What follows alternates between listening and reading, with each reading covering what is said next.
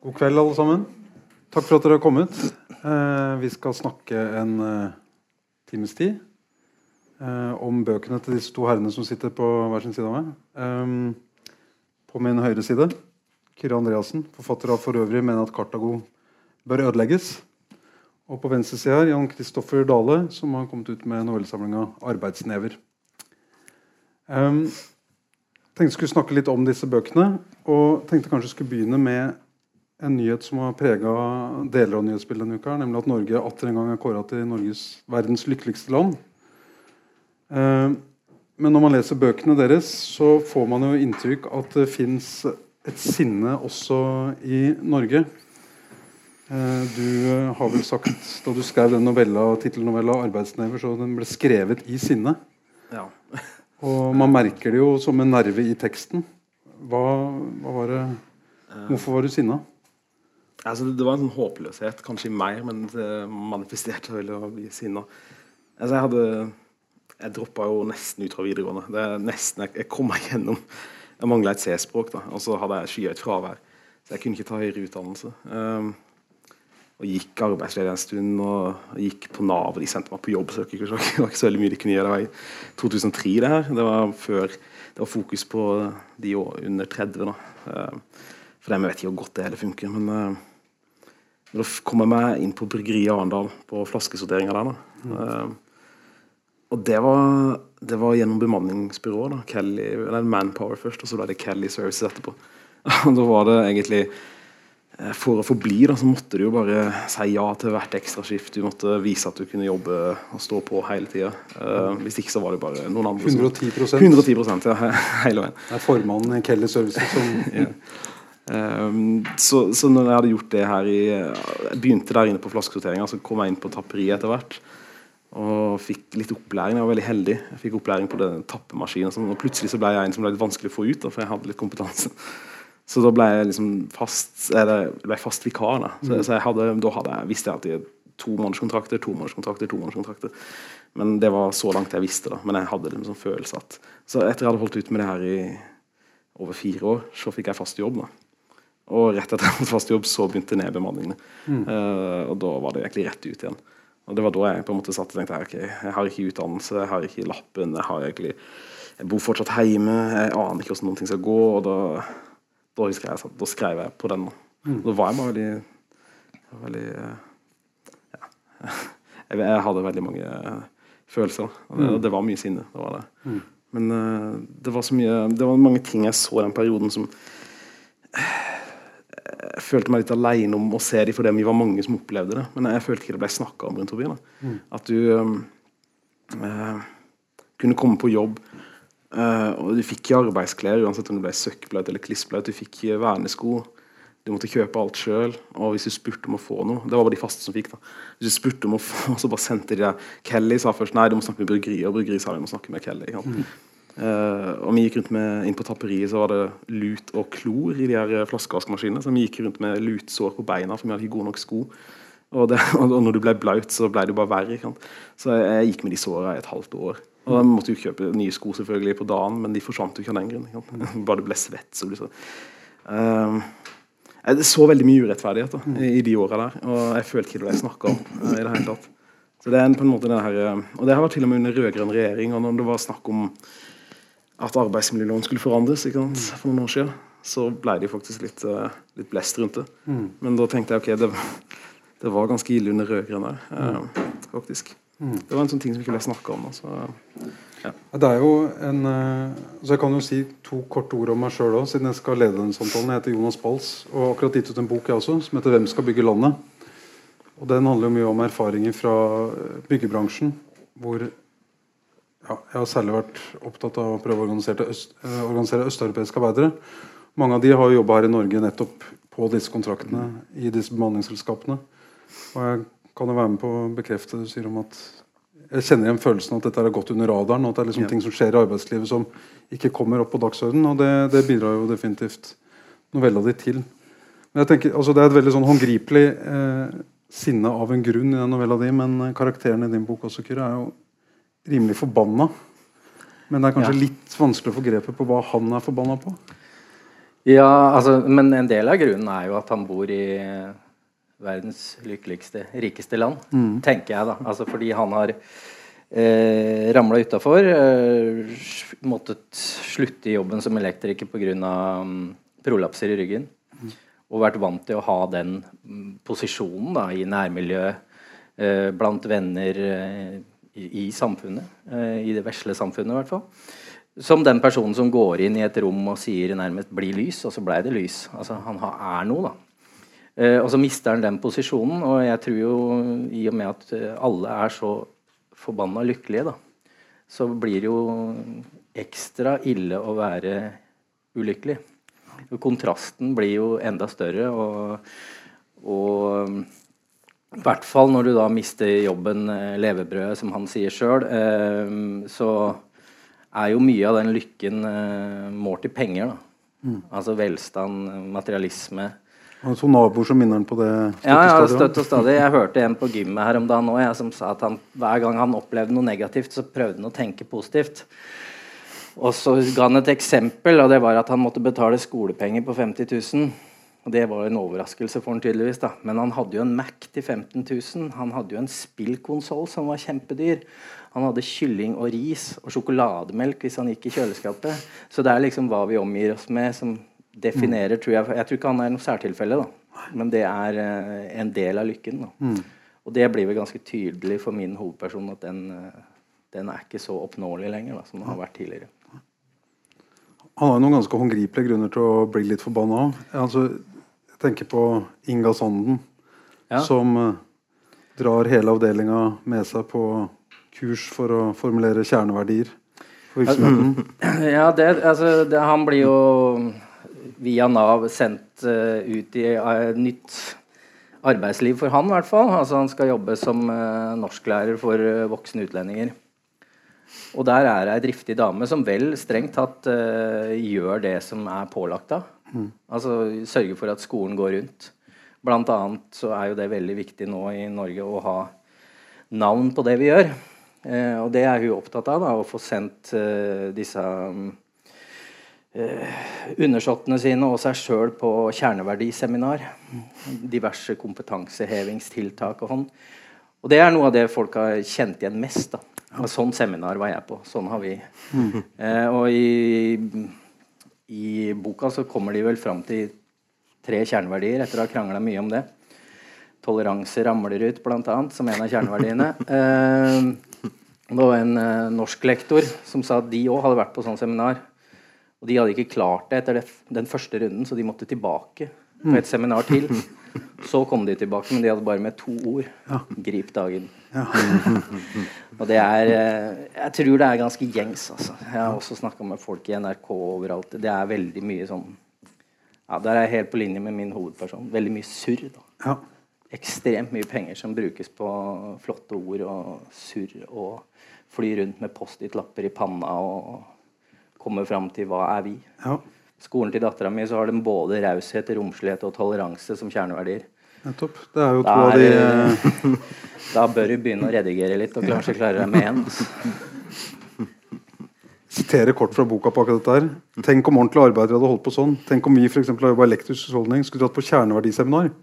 Så mye mer meningsfullt det hadde vært å trekke jordleder med noen kjerneverdier i kroppen. En visjon. Med kunnskap kabler vi oss inn i framtiden og gir deg lys og varme. Verden hadde stoppa av padden. Det kommer den til å gjøre. Når det bare blir administrasjon. Det er ikke noe annet enn tragisk. I stedet for å jobbe sitter folk og diskuterer åssen de skal jobbe, og hva de skal kalle jobbinga. I praksis, dvs. Si ikke-praksis, er det det som er politikk. Det er en uh, litt sånn uh, undertone av politikerforakt også i dette her. Er det det? Ja, kanskje. Eh, på sett og vis. Det jeg har vært opptatt av når han fyren skal få tute fritt i 350 sider, er å la han gi uttrykk for en del holdninger som jeg oppfatter som ganske gjengs. da. Men som eh, det ikke er stuereint å ha. Eh, men altså en del sånn um, Jeg er litt lei den derre konsensusen i norsk litteratur. At hvis du er på et sånt sted som dette her og sier, uh, forteller en vits som Sylvi Listhaug f.eks., så ler alle bare du hører navnet Sylvi Listhaug. For alle er enige om på et sånt sted som dette her at eh, hun funker ikke. Eh, og det ligger jo ganske mye sånn folkeforakt i det òg, for det er mange som syns Sylvi Listhaug er helt topp. ikke sant? Onkelen min elsker Sylvi Listhaug. ja. Eh, og det er noe med det, da, å la han fyren få lov å mm, si de tinga uten at jeg eller han skal ta forbehold. Da. Men la det komme ufiltrert ut, og ikke hele tida forsikre leseren om at 'jeg har ikke de meningene'. Han er god på bunn, eh, men styre unna det. da. Men han har jo forakt både her og der. Men det tror jeg er ganske klassisk eh, for både menn og damer når du står med ryggen mot veggen, har malt deg inn i et hjørne, og mye av feilen er din egen. Så er det lett å ty til unnskyldninger, skylde på andre, komme med forklaringer. Mm. Bortforklaringer. Ja. ja, det er jo eh, jeg må jo si Som leser så er det veldig mye man kjenner seg igjen i. Også når han eh, formulerer ting man egentlig skulle ønske at man kanskje ikke kjente seg igjen i. Men eh, jeg tror det treffer en nerve også på den måten. Altså, nå har vi jo lagt bak oss en amerikansk valgkamp der uh, den ene presidentkandidaten refererte til den andre presidentkandidatens velgere som a 'basket of deplorables'. Mm. Uh, og fikk smekk på fingra for det Ja. i form av tapt valg mot kanskje tidens mest inkompetente Mm. presidentkandidat. Mm. Og denne følelsen av avstand mellom Kall det elite, de som styrer, de som eier den offentlige samtalen, Mm. og de som ikke deltar i den. De, altså, det her ligger jo veldig sterkt som et element i, i begge bøkene deres. Mm.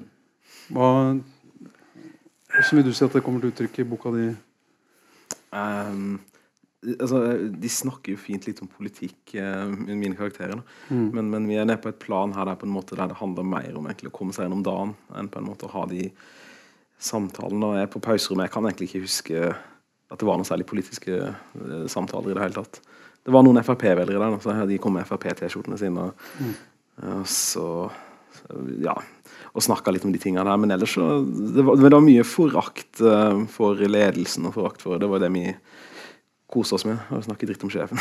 det sånn det kom oss gjennom dagen veldig mye. Um, men hva skal du si? Praten i pausa stilner jo helt når mellomlederen kommer og setter seg. Ja, det gjør det når hun kommer ut og, røyker og ikke har noe hastverk. Da har de på en måte Så det er en, var en ventil der, da. Vi får det ut. Men um, ja, hva skal du si? Um, spesielt i den uh, novella som heter 'Jeg grøft'. Eh, det er vel der jeg føler jeg på en måte det, det var ikke et utgangspunkt for noveller, men jeg ser jo det nå at jeg utforsker på en måte de klasseskillene som er som, som, som jeg føler er ganske reelle. Da. Men, men det, det er så der snakker jeg på en måte ikke bare om Der snakker jeg om sånne enkle ting som om vi drikker og spiser og har på oss, som er markører for hvilken klasse vi tilhører. Da. Som, jeg, som jeg tror kan være provoserende for noen. For Jeg hørte noen på Facebook noen skrev at nei, i Norge alle kan jo ha kaviar og sjampis uh, hver helg hvis de vil det. Kan? Og da tenker jeg nei, de kan ikke det. det er ikke alle som har fått med seg det. At vi, det er forskjell på folk. Noen dere ikke har lest uh, disse bøkene, så handler den novella altså om en kompisgjeng på fire som skal på hyttetur. Ja. Og så har den ene flytta utenbys og fått seg en ny venn. Ja.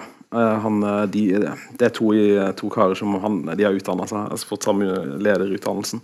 Så er det to karer i baksetet som på en måte har blitt igjen i, i, i heimbygda og jobber på lager. og De fikser heller ikke videregående. Det, det er en sånn ting som går igjen i for mange av de spesielt mannlige karakterene mine. Det at de har blitt igjen og ikke har tatt høyere utdannelse. på en måte. Eh, det er noe som går igjen. Fordi at sånn, I flere av intervjuene i forbindelse med boka så har du snakka om dette med klassesamfunnet som vi snakka om som det skulle vært utdødd. ja, Som er tilbake, eller som ikke døde ut. Hva Jeg, jeg syns det er veldig morsomt at folk ikke At folk mener på at ikke vi har et klassesamfunn i Norge. Da. Det jo, var det Edvard Louis akkurat sa?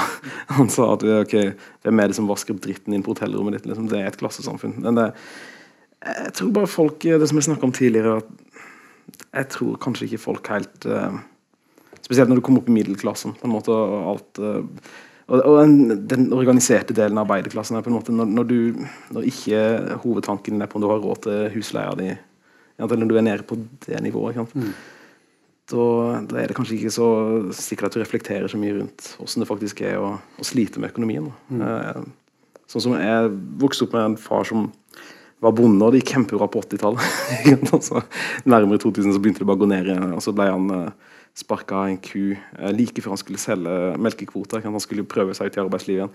Og så ble han uføretrygda. Det eneste vi hadde av inntekt i vår familie, var min mor. Eh, hun var renholder. Mm. Og vi snudde jo på krona i mange år. Og, ja, så, men, men, samtidig så gikk jeg på videregående med, med sønner av, av, leger og sånn. Og de ville til Oslo hele tida. De ville på konserter. Og Jeg husker hver gang jeg har ikke råd til det her igjen.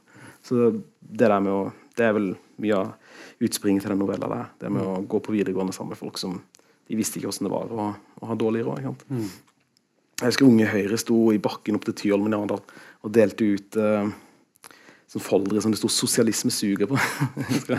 de delte ut av det sånn, En haug med gutter som på en måte aldri har trengt noe som helst. Mm. Så eh, det er nok av klasseskille her i landet. Men, ja. Ja. Ja. Du nevnte Edvard Louis. Han, eh, jeg tenkte på ham fordi Vi satt og snakka litt før dere andre kom. Så snakka vi om altså Litteratur er i seg sjøl et veldig overskuddsfenomen.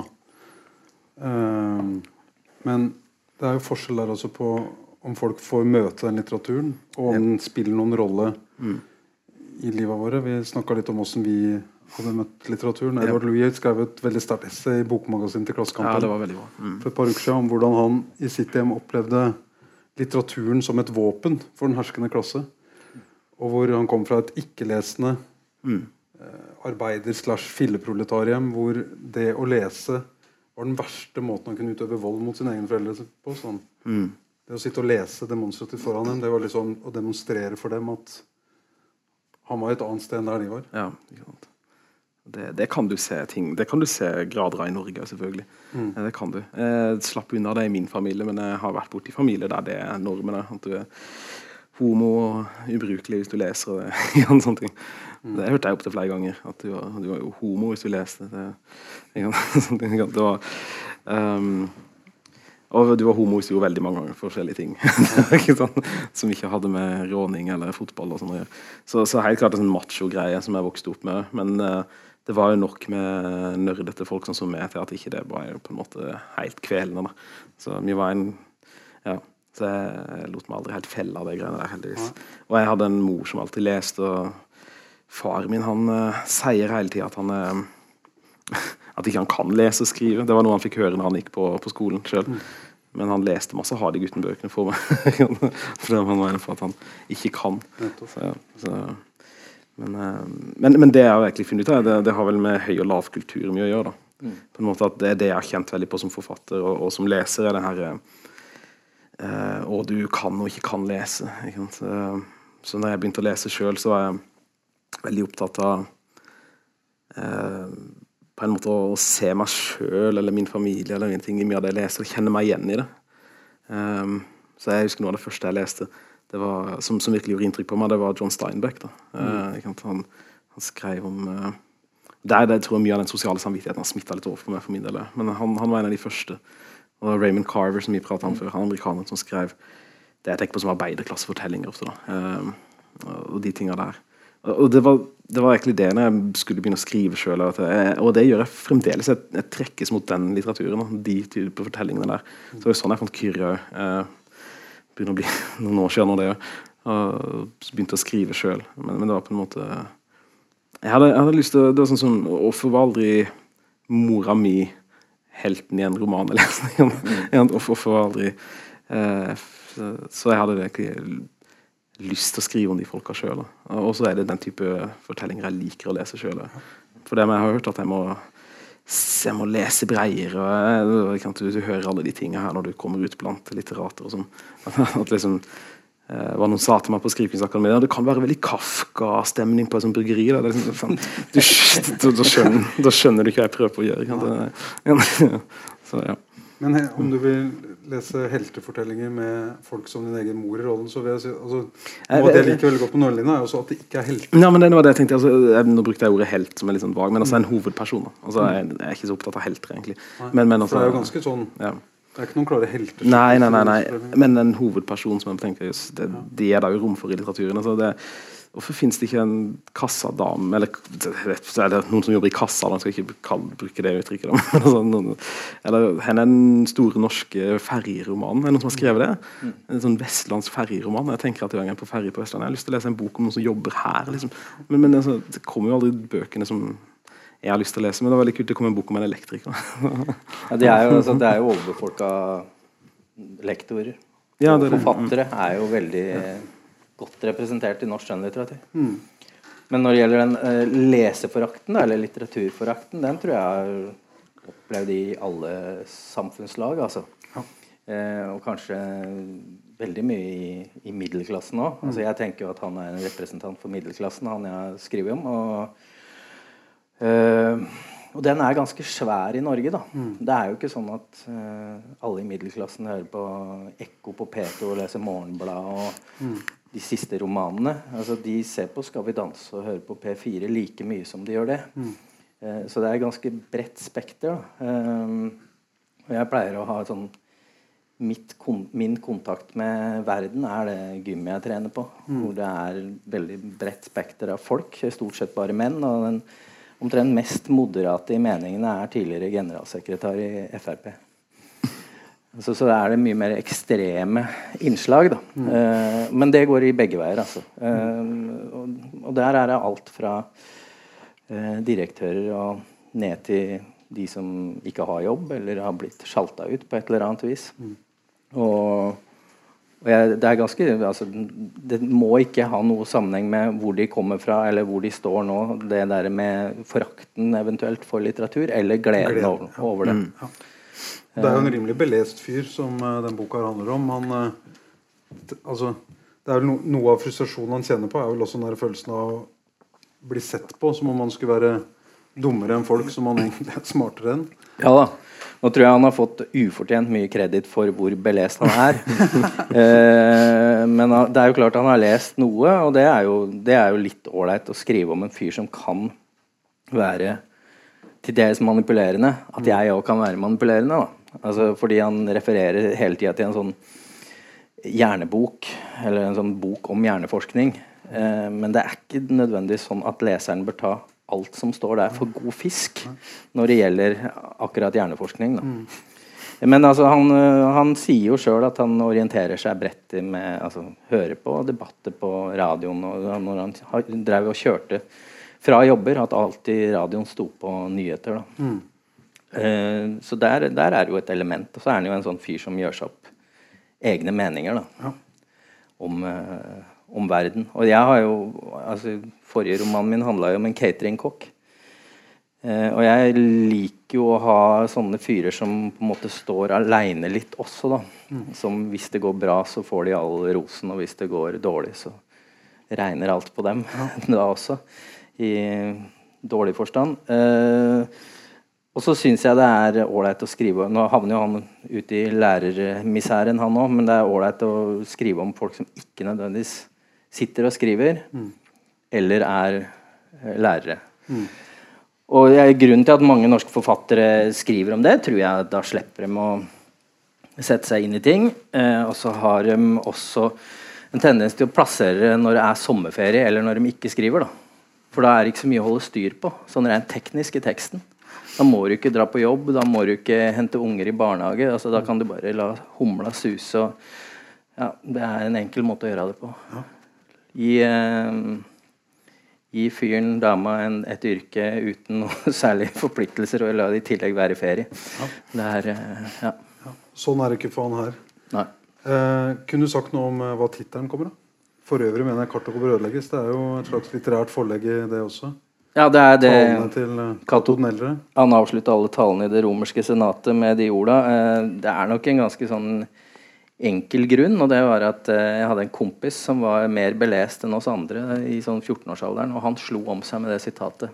Så det har fulgt meg, da. Og på et eller annet tidspunkt Den boka her hadde lenge arbeidstittelen 'Samvittighet'.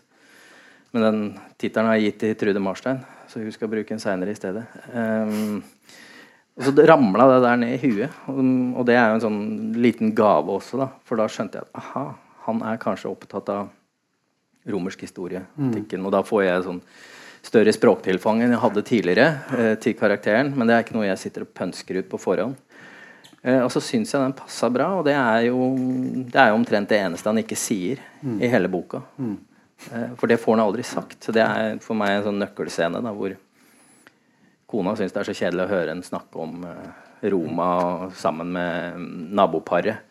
At hun på en måte avfeier den og biter den av fordi de skal snakke om, eh, Hvor bra, bra trening dans er, og hvor fint det er å bade rett utafor Drammen og sånne ting. Mm.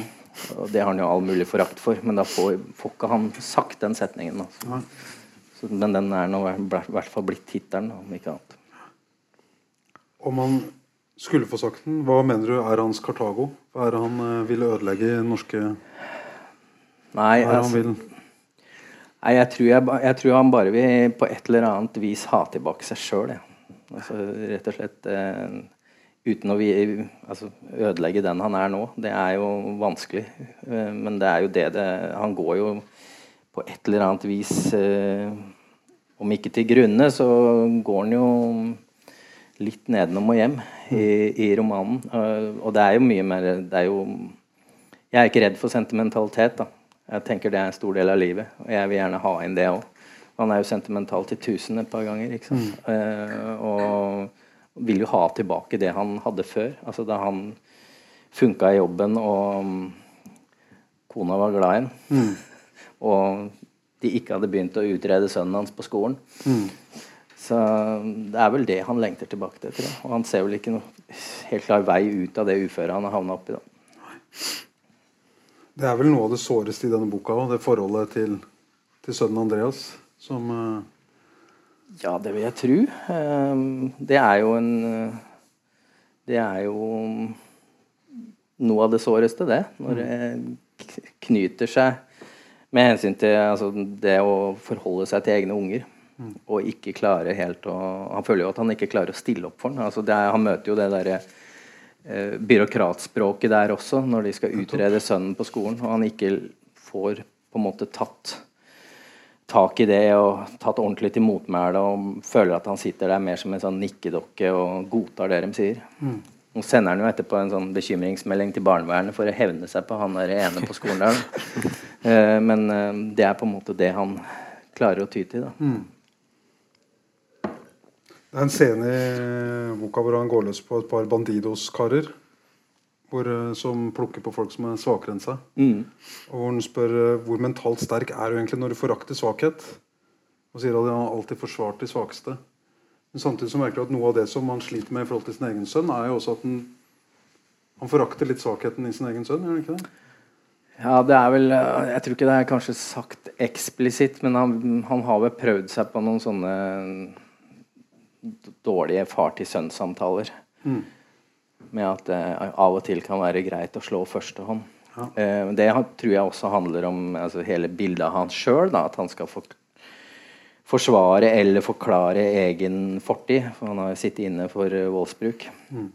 Eh, men jeg tror det rett og slett er den der eh, litt sånn maktesløsheten han føler overfor sønnen. Altså, at han ikke strekker til helt. Eh, det òg skrev jeg om i den forrige romanen, hvor utgangspunktet mitt var eh, Eller blei til etter hvert, hvert fall, at jeg skulle skrive en sånn omvendt familieroman hvor eh, foreldra, eller faren, blei på en måte barnet som så etter anerkjennelse opp mot ungene. da, Og at det var en sånn motsatt bevegelse der. Ehm, fordi han eh, har litt den samme sånn utilstrekkelighetsfølelsen som han fyren her. Eh,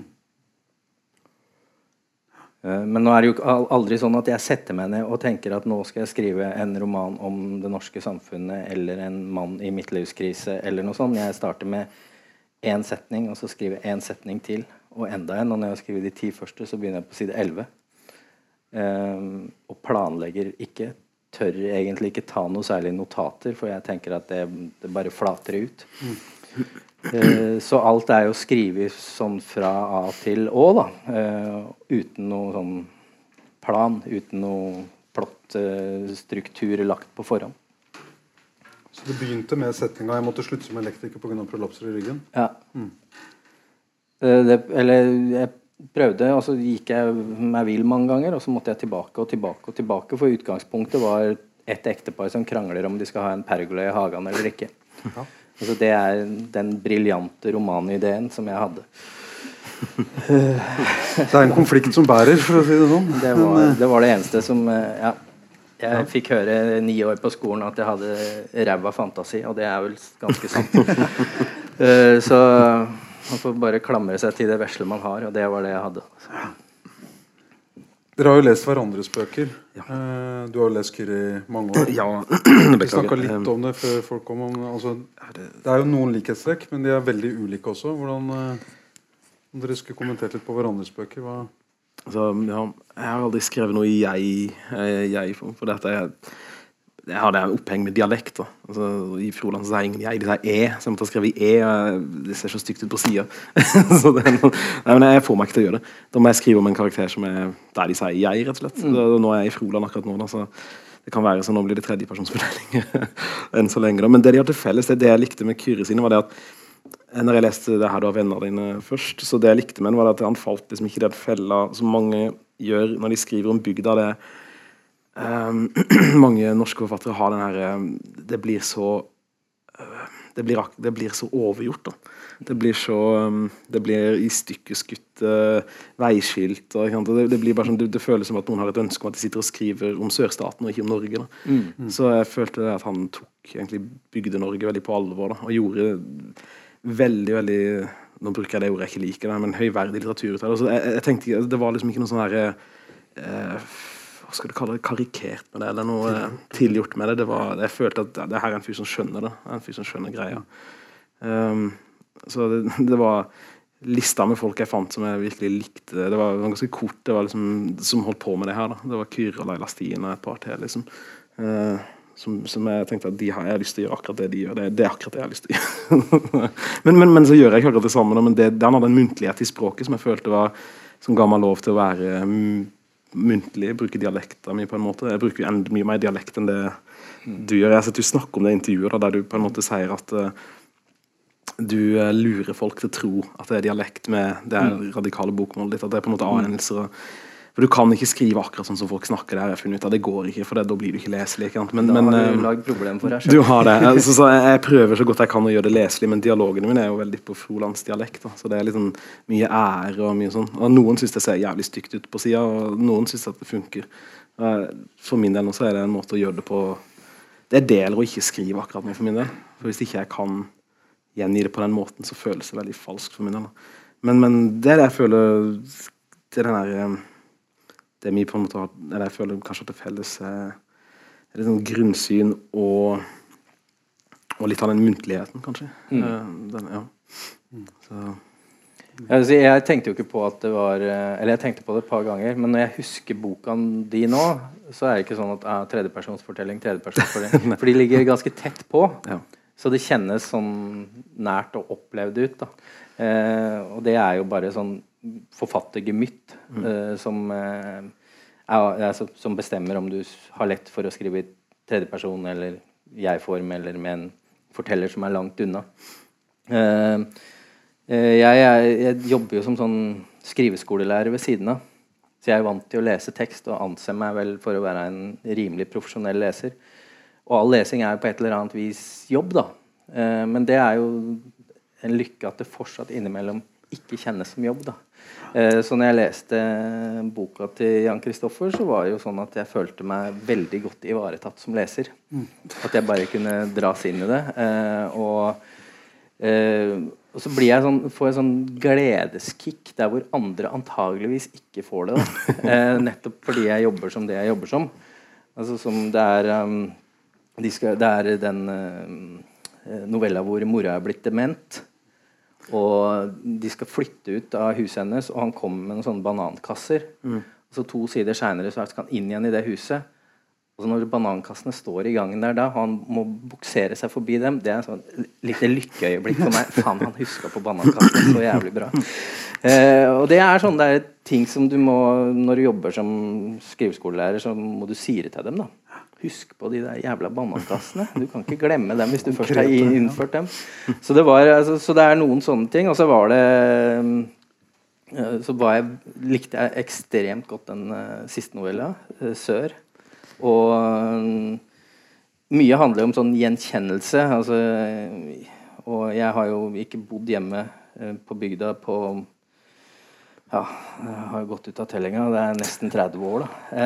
Um, men da jeg leste den som het 'Tilflytter', om han som spiser mm, mat på kafeteriaen, uh, kroa, og prøver å sjekke opp dama bak disken, da fikk jeg lyst til å flytte hjem. Det er sånn tegn på at uh, det er noe veldig bra. da Når du får liksom den dragninga tilbake mot bygda, de små forholda. Uh, han der kompisen som du ikke er helt sikker på om du liker. Altså, sånn, eh, ja, så det er veldig bra. Det er jo en interessant ting med den uh, novella der. Altså, apropos det med banankasser som dukker opp igjen. For at han går jo igjen i to av novellene. Ja, han gjør det. Han dukker først opp som en uh, André- sidekarakter ja. Mm. som kompisen er litt redd for at skal ta dama når Ja, uh, sette seg ut. Men så møter man en annen novelle senere hvor han framstår som en Ja. mer sårbar altså, ja, hvor, Jo, det, det, med han, da. ja, det var, jeg hadde litt lyst til å se en annen side av han, på en måte. Men uh, samtidig ikke Samtidig ikke liksom gjøre han om til Vi snakker om helt, det var ikke noe interesse av, jeg hadde ikke noe interesse for det, men jeg hadde bare lyst til å se hvordan han var når ikke han hadde det her karslige Der han bare sitter og prater om, om damer og, liksom tøffer seg veldig for han andre. Da. For det, det er jo noe mer der når folk har den fasaden. og så ser du en veldig oh, Det var voldsomt. Beklager. sånn, altså, du ser jo en mann som på en måte er veldig Han er veldig usikker, egentlig. Um, det syns jeg Men det var, det var bare en jeg hadde lyst til å gjøre det. Hvordan, det var ikke noe plan heller. Altså, med en gang jeg skrev om han, så var det siste jeg nok André. Fant jeg ut etter hvert. da. For jeg er akkurat som Kyrre. Jeg legger egentlig ikke noen planer for noen ting. heller. Jeg begynner med en situasjon. og så det er stort sett en situasjon. da. Altså Noen skal på hyttetur. Eller jeg grøft var det. Altså Arbeidsnever så skrev jeg faktisk eh, For jeg jobber litt annerledes enn du der. Jeg skrev det her eh, avsnittet om mora som snakka om arbeidsnevene til, til Trygve. da. Eh, Det var nesten sånn kort prosastykke, nesten sånn. Eh, Altså jeg bare skrev ned på mobilen på en Sverigetur vi hadde. satt i baksetet og skrev. Og det var utrolig, det, det eneste jeg beholdt, det er den mora som snakker om arbeidsnevn, for det var veldig svulstig. Det var Du liksom og stryker over hånda, Ja, og og- stolt. Ja, sånn stemmer. Og der hadde jeg en lang utgreining under at det var de nevene han gjorde ditt og datt. Det var fryktelig jævlig dårlig. Altså. Men, men jeg beholdt akkurat den setningen. Og så når jeg skrev den novella, så tenkte jeg det passer jo inn der. Så jeg er litt sånn, jeg er litt sånn paste-fyr. Hvis jeg har noe jeg kan putte inn i det, så gjør jeg det. Men, uh, men jeg har aldri planlagt en slutt, eller planlagt det, så jeg vet jo ingenting om som kommer til å skje når jeg skriver noe heller. Så jeg bare tar det og ser. Uh, Men jeg, jeg veldig sånn som jeg hører som Hemingway og Petterson, og du snakker om det er liksom én sann setning etter den andre. ikke sant, den Petterson-greia, og, og så konstruerer du den, med en bok som egentlig er ferdig når den er ferdig. Da. Jeg skjønner ikke hvordan noen kan gjøre det. For, for min del så er det bare å slette og slette og slette. Så jeg bare øser ut masse drit. Det er jenter bare drit, alt sammen. Og så, og så er det bare å slette, og så prøve å sitte igjen med noe som duger. da. Eh, Så jeg, ingen av de der har ja, det har vært hardt redigert. Men jeg misunner jo egentlig det litt, å kunne altså, kjenne Hvis det ikke funker en dag, da Uh, Kunne hoppe til et annet sted i romanen. Men jeg veit jo ikke hva som skal skje seinere. Jeg sa til Trude Marstein, som jeg nevnte i stad, en gang Altså, nei, Nå står han fast i en korridor. Jeg får han ikke vekk derfra. Eh, kan han ikke bare gå ut, sa hun.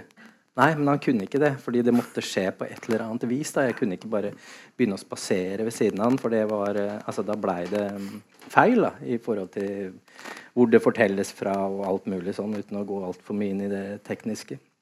Hvordan løser du det. Nei, altså, nei, det var jo et problem. da Jeg fikk den jo ikke vekk derfra, så da måtte jeg stryke de 40 sidene og begynne på nytt. For da var det liksom Da blei det fortalt for tett på karakteren. Og det er jo tett på, men det er jo fortalt i, med tilbakeblikk. Så han har en viss distanse til det han forteller om. Og ved å etablere den distansen, da, så kan jeg ta større hopp i tid. ikke sant? Da kan han fortelle om tre uker på to linjer. Og han trenger ikke altså Et Klassisk sånn debutantfeil er jo at de skriver om en jeg-person i presen som våkner i senga. Og så skal vedkommende da komme seg ut av senga og ut av huset. Og da er det å ta av seg dyna, tasse over gulvet, inn og tisse. Og så kommer du aldri opp fra det der mikronivået. da. Eh, fordi det er etablert fra starten av. Og det er noe med å finne ut en sånn der, ja, Et punkt å fortelle fra hvor du slipper alle de der eh, transportetappene der. da. Eh, og jeg har som sånn mål at det skal være gøy da, å skrive. Altså det skal være på et eller annet nivå lystbetont. Og da kan jeg skrive om triste ting, men det er gøy å se at jo, jeg syns jeg fikk det til. Eh, så gøy-begrepet er litt bredt her. Men, det, er, eh, det er jo jævlig mye humor i boka, selv om det ofte er svart. jo, nei, men jeg tenker ikke Men selve skriveprosessen, da. Og så hjelper det å være litt sånn hissig irritert òg. Ja. Så det er den kombinasjonen moro å det, være forbanna som ja. skal på plass da, før jeg har, får flyten. Og så veit jeg av erfaring nå at jeg skriver dårlig hvis det ikke flyter. Og hvis jeg skal sitte og presse ut setninger, så da eh, kan jeg dra og trene eller støvsuge huset eller finne på noe annet i stedet.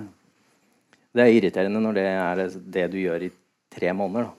Så klart. Men eh, og det er da jeg misunner dem som kan hoppe og sprette litt. Og Ja. det jeg får ikke til. Altså.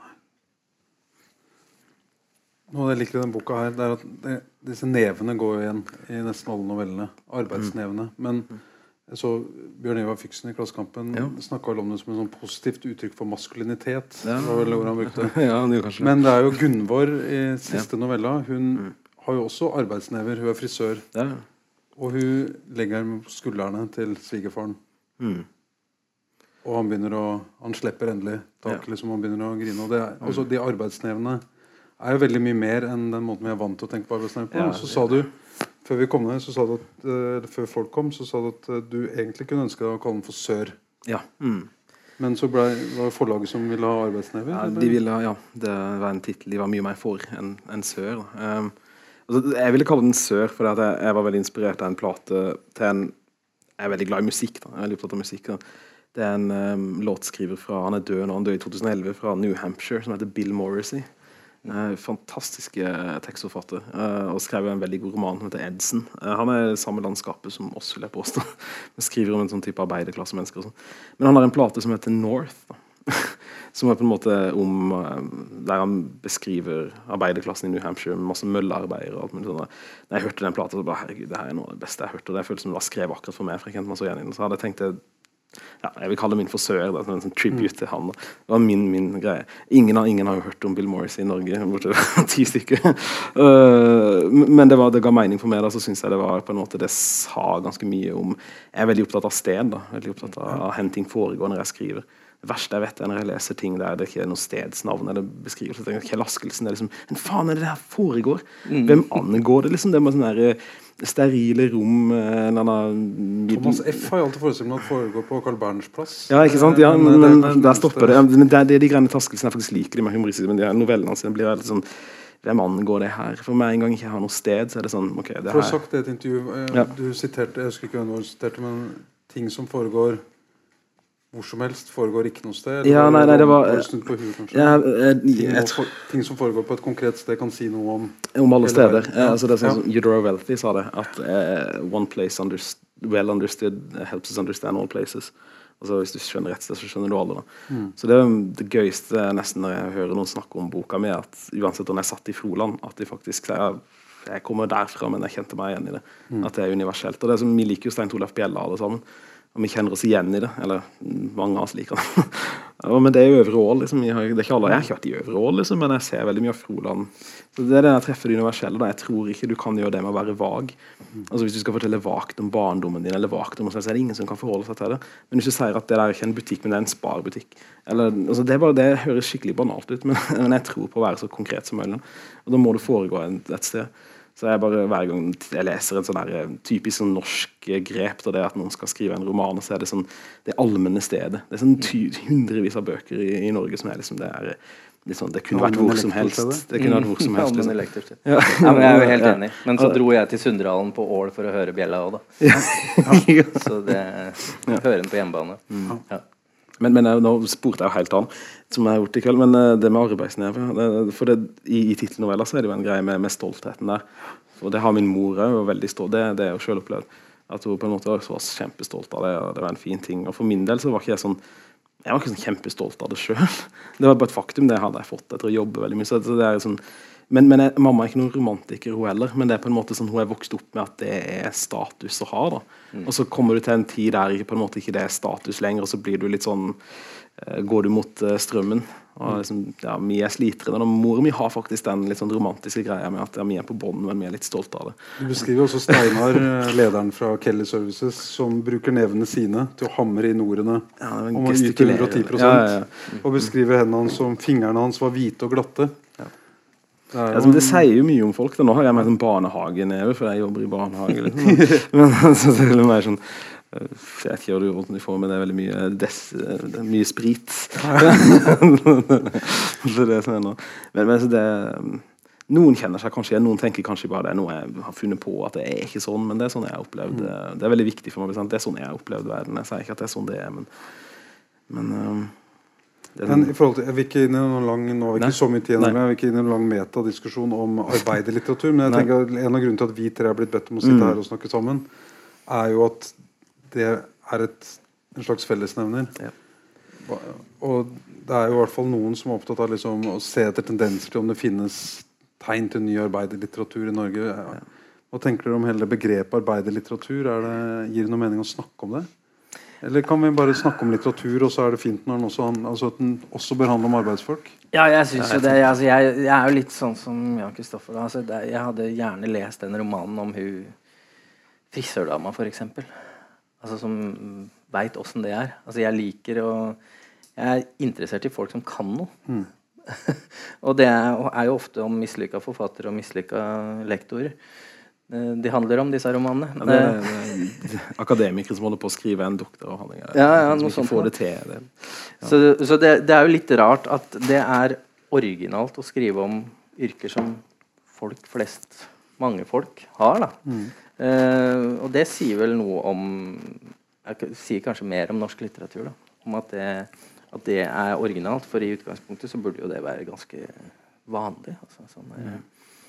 Men uh, en ny type arbeiderlitteratur, det, det veit jeg ikke. Det er jo mye han franske kompisen som har satt litt standard for oss, og så kom uh, boka hans, og så var vi i gang. Altså, de liker jo headinger.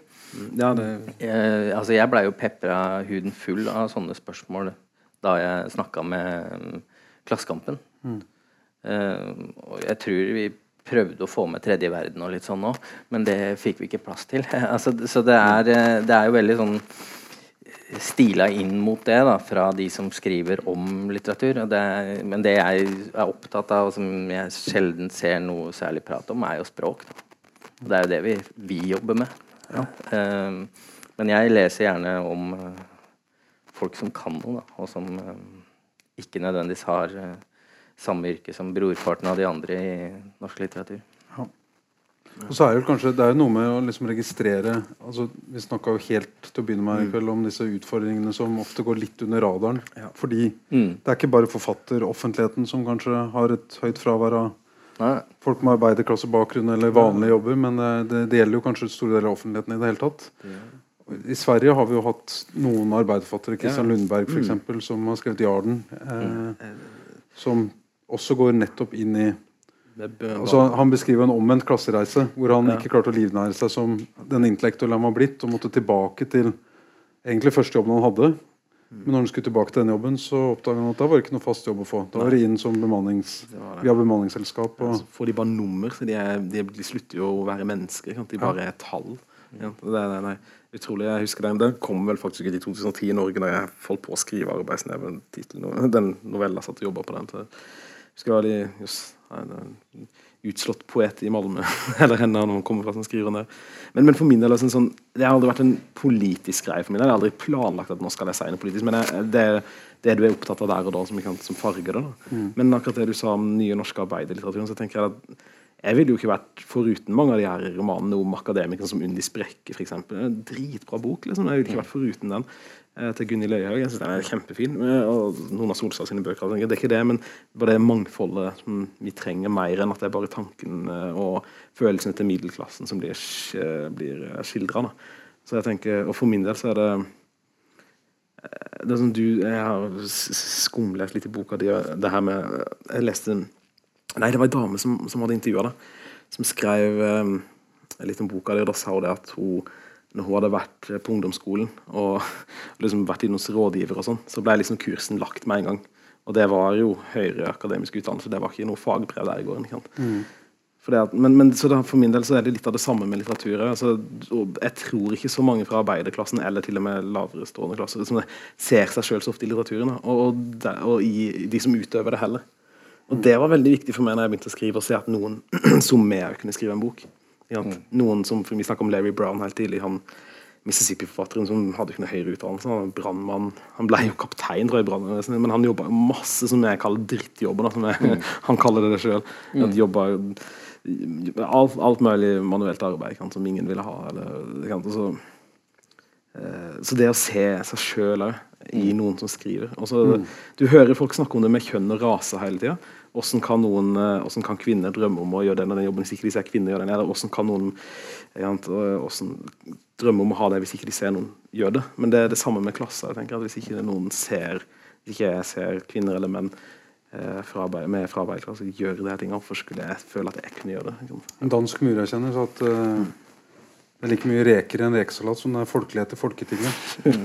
det er vel litt sånn, den opplevelsen at det er et fravær av det i store deler av offentligheten. Av dette her. Men er det, dere, er det, mulig å skrive om uh, arbeiderklasseerfaringer om man ikke har vært der sjøl? Er kunsten så stor og så, eller, Kjenner dere eksempler på det? Kyrre har ikke jobba som elektriker. Nei, jeg har ikke jobba som elektriker, og jeg tenker at jeg har vært i middelklasse, øvre middelklasse store deler av livet, jeg, ja, altså. Eh, men eh, det var det jeg prøvde å si i stad. Altså en en elektriker er ikke nødvendigvis arbeiderklasse i Norge. Nei, nei, nei. Um, og det er det jeg tror at det er noe med hvem definerer hvem som er hva. Mm. Det handler mye om. Uh, og jeg er jo altså, Først og fremst så er det språket som jeg er interessert i, og se om det funker. Og jeg tenker at du kan skrive om alt. Og, leser, og det er ikke sånn at jeg ønsker å drive noen sånn romantisering om å, jeg vil bare ha frisørromaner. Jeg, jeg, leser gjerne en roman om en golfinstruktør. Altså. Det, er, det er godt, godt skrevet. Mm. Eh, og det er det det til sjuende og sist eh, handler om. Så det er ikke på en måte historiene eh, Du sitter ikke med et samfunnsoppdrag foran deg når du skriver som nå skal jeg skildre På ingen som helst måte. Men eh, altså, det, det, må rett og slett eh, være et språk som funker der. Som, altså, og det er helt umulig for meg å skille språk og historie. Mm. Altså, det er ikke umulig. Jeg ser med en gang da, eh, når jeg leser ei bok at dette her er bare en historie, og så er språket brukt som sånn glidemiddel eller bare fylt inn etterpå. Mm. Eh, og det, da interesserer det meg ikke. For det, det må være et eller annet språk som tar tak i meg for at jeg skal lese om enten en frisørdame eller en golfinstruktør eller en finansanalytiker, for den saks skyld. Ja, jeg hadde det på samme måte. Jeg er helt enig. Det er på en måte Alt det vi har snakka om nå med arbeiderklasse, sånn, det er på en måte ting som kommer med lasset når jeg har skrevet de ting her. Uh, men samtidig så er det det språket, hvis ikke det er bra, så er det på en måte ikke noe vits. Det er nok av norske bøker og novellesamlinger om eh, folk på bygda som jeg ikke kan fordra. Ikke mm. det at jeg liker ikke måten de er skrevet på. Mm. Så, mm, så ikke, det, det, hvis ikke du har språket Det er vel det nærmeste vi har kommet å snakke om håndverking. Det, mm, ja. språket, ja. men det er på en måte Jeg er halvutdanna barnehagelærer, jeg har ikke noe papir på noe som helst. Liksom. men du er jo den som har fagbrev. Eller svennebrev. Ja, du er maler. Så, men eh, Nei, så, så, det er på en måte Jeg har alltid snakka for de ufa, eller det siste året prata for de ufaglærte. på en måte. Så, mm. mm. ja. Litt av personlig nysgjerrighet, men jeg tenker at kanskje det er flere som lurer på det. Har, kan dere si litt om hva dere er i gang med å skrive? Liksom kommer, er det den store frisørromanen som kommer? Eh, jeg trodde jeg skulle skrive om ei 19-årig alenemor før den der. Eh, og så leste jeg siste romanen til Pedro. Carmona Alvarez, og da tenker jeg at da har han tatt mye av det. uh, så det skal jeg ikke. Uh, det er jo en ja. alenemor så vidt med her. Ja, det er det. Så det, hun fikk en liten parti, party, men det var meninga at det skulle være en jeg-roman om det. Uh, det er vel kanskje den såreste karakteren i hele Ja, det altså, vet du. Hun og dattera er, ja. er ikke, ikke, bra. Men jeg har ikke skrevet en setning siden den der, så jeg okay. bare går og venter. Ja. Håper det kommer en sånn idé snart. Den setninga? ja. Men jeg har ikke det har ikke åpenbart seg noe ennå. Du er i gang med roman? Ja, jeg holder på med en roman, og så har jeg noen noveller til. så det blir... Men Jeg hater å planlegge ting, men hvis det går som det skal, så blir det en roman og så en novellesamling. Men den romanen jeg skriver på nå, det, det, var tre karakterer. Nå er det bare veldig mange karakterer. Da. Veldig mange på intervju, så jeg må kanskje Jeg vet ikke helt hva jeg driver med. Alle får plutselig lov til å si meninga si i boka mi. Sånn, plutselig ser du fra den synsvinkelen. Så nå er det veldig rotete. Men um, det er på en måte en bok om det er sånn klisjé å si det, men det handler vel, veldig mye om brødre. Men jeg begynte å skrive om to veldig gamle menn. Så det er demens, det er så mye demens i familien min. Så jeg har veldig mye glede meg til Så jeg tror det var på en måte jeg måtte skrive om det på en måte. For så, det var en periode der jeg var veldig mye hos bestemora mi og pakka ned tinga hennes og sendte henne på Gjerstadheimen. og det, er jo, det kom jo litt inn i, i levende bevis men, men jeg har ikke helt kommet vekk fra det ennå. Men så er det jo ja, så, så det nå blir nok uh, en roman om en god del eldre folk, men samtidig folk på min alder der inne. Og det er en eldre dame der jeg skriver om igjen, så, så, så vi får se. Men det blir det er i hvert fall, jeg kan si at det er et stikkord er demens og brødre. Det, ja. Og så hadde jeg ikke lyst til å skrive en bok om brødre som hater hverandre, for det er liksom gjort så mye. Jeg har lyst til å skrive en bok om brødre som faktisk uh, vet ikke helt hvordan det skal gå hvis den andre forsvinner. Altså, ja. Sånn som jeg hadde litt med min bror. Den, så vi får se hvordan det går. Men, uh, ja. Og så har jeg veldig lyst til å skrive en, uh, noe som er langt Jeg har ikke lyst til å gjenta meg sjøl, jeg har lyst til å gjøre noe som er helt annerledes etter hvert. Men hvem vet hva det blir. Men det kommer noe? Ja, det kommer et eller annet en gang i tida. Håper jeg. Jeg håper det. gleder vi oss til. Jeg tror tida vår er i ferd med å renne ut. Syns jeg ser de bakerst her begynner å bevege litt på seg nå. Tror vi Har du noen siste ord dere Nei, Jeg håper noen har hatt noe igjen for å høre på bablinga mi. for det er det siste for meg. Ja. Takk for at dere kom, forresten. Det var veldig hyggelig. Takk for praten. Takk for praten. Takk for praten. Yes.